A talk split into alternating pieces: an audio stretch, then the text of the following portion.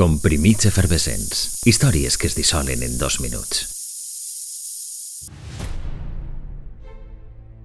Feia dos mesos que la formació havia sol·licitat la seva inscripció en el registre d'associacions polítiques. Pel mig, tensió, reunions secretes i sessions que molts no perdonarien mai.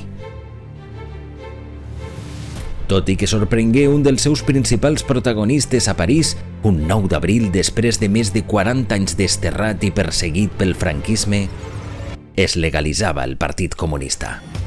Una acció indispensable en el camí cap a la democràcia, però molts no veien l'hora que es materialitzara. És una de les raons per les quals la notícia va sorprendre tant. Desconcert que afectà fins i tot el periodista que s'encarrega de fer l'anunci a través de Ràdio Nacional de Espanya. A espentes i redolons, Alejo García aconseguia finalment llegir el teletip que confirmava la notícia.